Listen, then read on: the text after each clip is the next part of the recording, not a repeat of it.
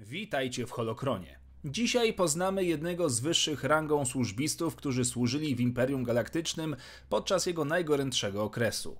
Przed wami historia admirała Pieta. Postać jest oczywiście kanoniczna, ale historia w tym odcinku dotyczyć będzie również historii z legend. Zapraszam. Firmus Piet urodził się na zewnętrznych rubieżach na planecie Axilla w późnej epoce Republiki. Po tym, jak rodzima korporacja planety Qtrig Hegemony zadeklarowały przyłączenie się do Konfederacji Niezależnych Systemów, rodzina Pieta znalazła się wśród tzw. Tak wolnych Axillanów, którzy przenieśli się do Halmadu. Jako nastolatek Piet szukał kariery wojskowej i wstąpił do Akademii Marynarki Wojennej sektora Quelli, kończąc ją na kilka dni przed zakończeniem wojen klonów w 19 roku przed rokiem zerowym. Ze względu na to, że nie miał powiązań ze światami rdzenia, kariera wojskowa Pieta przebiegała w jego rodzinnych stronach oraz sektorach. Wraz z deklaracją nowego porządku i późniejszą imperializacją galaktyki, flota antypiracka Axili stała się siłą zadaniową imperialnej marynarki wojennej. Przez dziesięciolecia patrole floty antypirackiej nielegalnie wzbogacały się, ignorując przemytników i piratów, ale Piet odmawiał wzięcia w tym procederze udziału. Sam pracował nad własnymi wynikami i miał rekordową ilość aresztowań. Miał też szczęście, że wstąpił do służby wkrótce po tym, jak nastawiony na reformy MOW Pensar Luke został gubernatorem hegemonii. MOW wyznaczył Pieta do nowej grupy zadaniowej obsadzonej przez zaufanych funkcjonariuszy i polecił im zmiażdżyć piractwo w regionie. Reputacja Pieta za uczciwość szybko przeprowadziła go przez szczebelki kariery aż do stopnia porucznika. Miał wtedy zaledwie 26 lat. Wkrótce objął kierownictwo nad operacjami egzekwowania handlu na Axilii, czyniąc swój rodzinny obszar jednym z najbezpieczniejszych sektorów w zewnętrznych rubieżach. Otrzymał różne pochwały za swoje czyny i starannie pielęgnował swoje kontakty w światach rdzenia. Pracował nawet nad własnym akcentem, by mówić w taki sposób, jak przyjęto się wysławiać na Korsent. Liczne zasługi i doświadczenia Pieta zwróciły uwagę lorda Darth Vadera. Jednak zamiast czuć dumę ze swojego nowego patronatu, porucznik Piet pozostał jedynie ostrożnym optymistą, ponieważ wielu jego przełożonych zostało uduszonych przez Mrocznego Lorda. W tym samym czasie Piet zauważył, że Vader ma coraz większą obsesję na punkcie ścigania nowo utworzonego sojuszu rebeliantów. Był również świadomy tajnego projektu Vadera na Kamino i tego, jak odbierał on ogromne zasoby od floty imperialnej, w tym co najmniej jeden imperialny gwiezdny niszczyciel klasy pierwszej. Piet obawiał się, że jego awans w szeregach nieuchronnie doprowadzi go do tego, że będzie bezpośrednio służył pod dowództwem Lorda Sithów. Ze względu na wysoki wynik śmiertelności oficerów, którzy służyli bezpośrednio pod dowództwem Vadera, Piet zażądał przeniesienia do floty obronnej Corsent, zanim kolejne awanse zbliżyłyby go do Vadera i jego całkowitego braku tolerancji dla niepowodzeń. Pomimo swoich wysiłków, aby uciec od Vadera, Piet został ponownie wyróżniony i przeniesiony jako kapitan gwiezdnego niszczyciela klasy pierwszej, zwanego Oskarżycielem. Po tym, jak imperialny wywiad wykrył koncentrację okrętów wojennych rebelii wokół planety Turkana w sektorze Pakunni, Oskarżyciel był jednym z dziesięciu gwiezdnych niszczycieli klasy imperialnej, których zadaniem było ich wyeliminowanie. Statek Pieta zapewnił podstawowe wsparcie dla Tyrana, statka kapitana Samuela Lennoxa w bitwie pod Turkaną. Misja ta wiele nauczyła Lennoxa, który nie usłuchał rad Pieta, który od teraz był prawdziwym specjalistą podczas walki z sojuszem rebeliantów, szczególnie w kontakcie z myśliwcami typu X-Wing. Piet przygotował nawet raport z owej misji, zalecając rozmieszczenie większej liczby TIE interceptorów podczas walki z X-Wingami w przyszłości. Zalecił również usunięcie kapitana Lennoxa z dowództwa operacji w sektorze Pakunni i przedłożył plan kampanii dla operacji Strike Fear, będącej swoistym odwetem Imperium za poniesioną porażkę. Wraz z raportem zadeklarował gotowość do dowodzenia operacją. W następstwie bitwy o Jawin Vader wybrał Pieta do służby w Death Squadron, jego osobistej flocie gwiezdnych niszczycieli blokujących Jawina 4.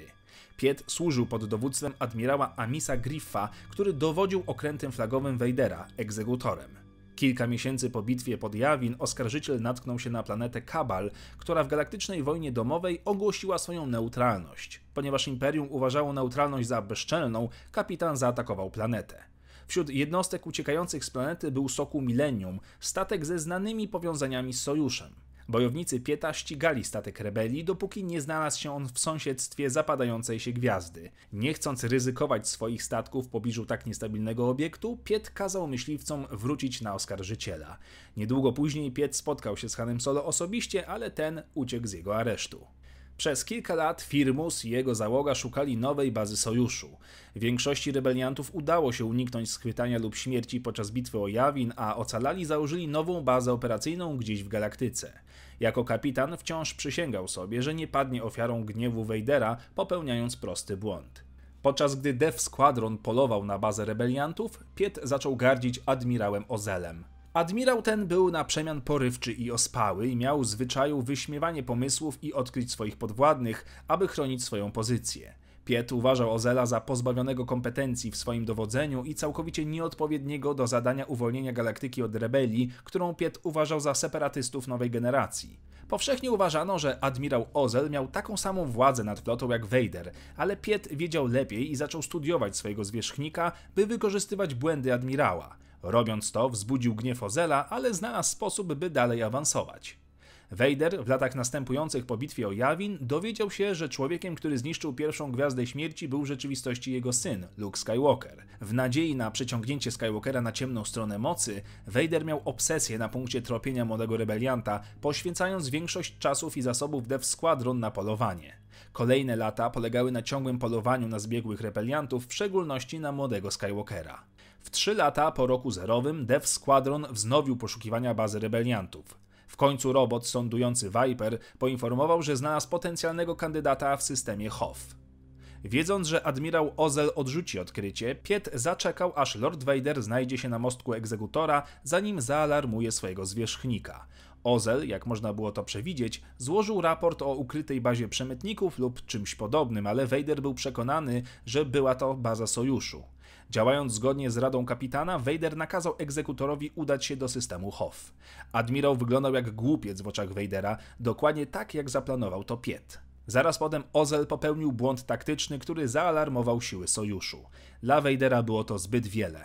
Admirał skonał na oczach Firmusa, uduszony mocą jak wielu innych oficerów. Nim Ozel wyzionął ostatecznie ducha, Piet ku swojemu zaskoczeniu natychmiast otrzymał awans do rangi wysokiego admirała. Podoficerowie zakładali się między sobą, jak długo Piet pożyje na tym stanowisku, niemniej jednak Firmus poświęcił się swojemu zadaniu w pełni. Poszukiwania Skywalkera i Sokoła Millennium ponownie zajęły Vadera, admirał zaś dalej robił wszystko, by nie narazić się na jego gniew. W końcu wojna doszła do granicznego punktu bitwy o Endor. Piet otrzymał dowództwo nad znaczną flotą imperialną zgromadzoną na Endorze, aby tam uwięzić siły sojuszu i w efekcie obronić drugą gwiazdę śmierci. Operacje i przygotowania przebiegały gładko, dopóki wahadłowiec Tidirium nie próbował wylądować na Księżycu w lesie.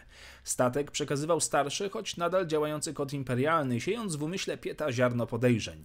Vader wkrótce zwrócił uwagę na ten problem i nakazał Pietowi zezwolić wahadłowcowi na wylądowanie, zapewniając admirała, że osobiście zajmie się lokatorami. Co było dalej, wiemy oczywiście z filmu Powrót Jedi. Palpatine, działając za pośrednictwem Vadera, wysłał flotę na drugą stronę Endoru, aby ukryć się przed flotą wroga.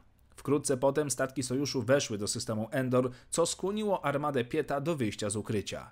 Walcząc ze słynnym admirałem Akbarem, siły Pieta zablokowały wektor ucieczki rebeliantów. Niestety, Piet otrzymał bezpośrednie rozkazy od Palpatina, by nie atakować bezpośrednio statków sojuszu. W całym tym zamieszaniu Sokół Millennium z landem na pokładzie mógł dostać się do bebechów stacji bojowej. Kiedy tarcza Gwiazdy Śmierci w końcu opadła, Akbar rozkazał skoncentrowany atak na egzekutora, a Gwiezdny Niszczyciel stracił tarcze ochraniające mostek dowodzenia, gdy dwa myśliwce zniszczyły generator na lewej burcie. Zaniepokojony Piet nakazał swoim załogom wzmocnienie ognia obronnego egzekutora, ale było już za późno. Kiedy admirał przekazał ten rozkaz, myśliwiec przechwytujący typu A-Wing, pilotowany przez Arvela Krynada, dowódcę zielonej eskadry, został trafiony ogniem turbolasera i wymknął się spod kontroli. Pilotowi udało się odzyskać odrobinę stabilności i skierował się prosto na mostek niszczyciela. Samobójczy atak zabrał ze sobą wszystkich na pokładzie niszczyciela, łącznie z admirałem. To wszystko na dzisiaj. Mam nadzieję, że podobała Wam się taka nieco bardziej klasyczna historia postaci. Dajcie znać w komentarzach, o kim chcielibyście posłuchać w kolejnym odcinku. Niech moc zawsze będzie z Wami.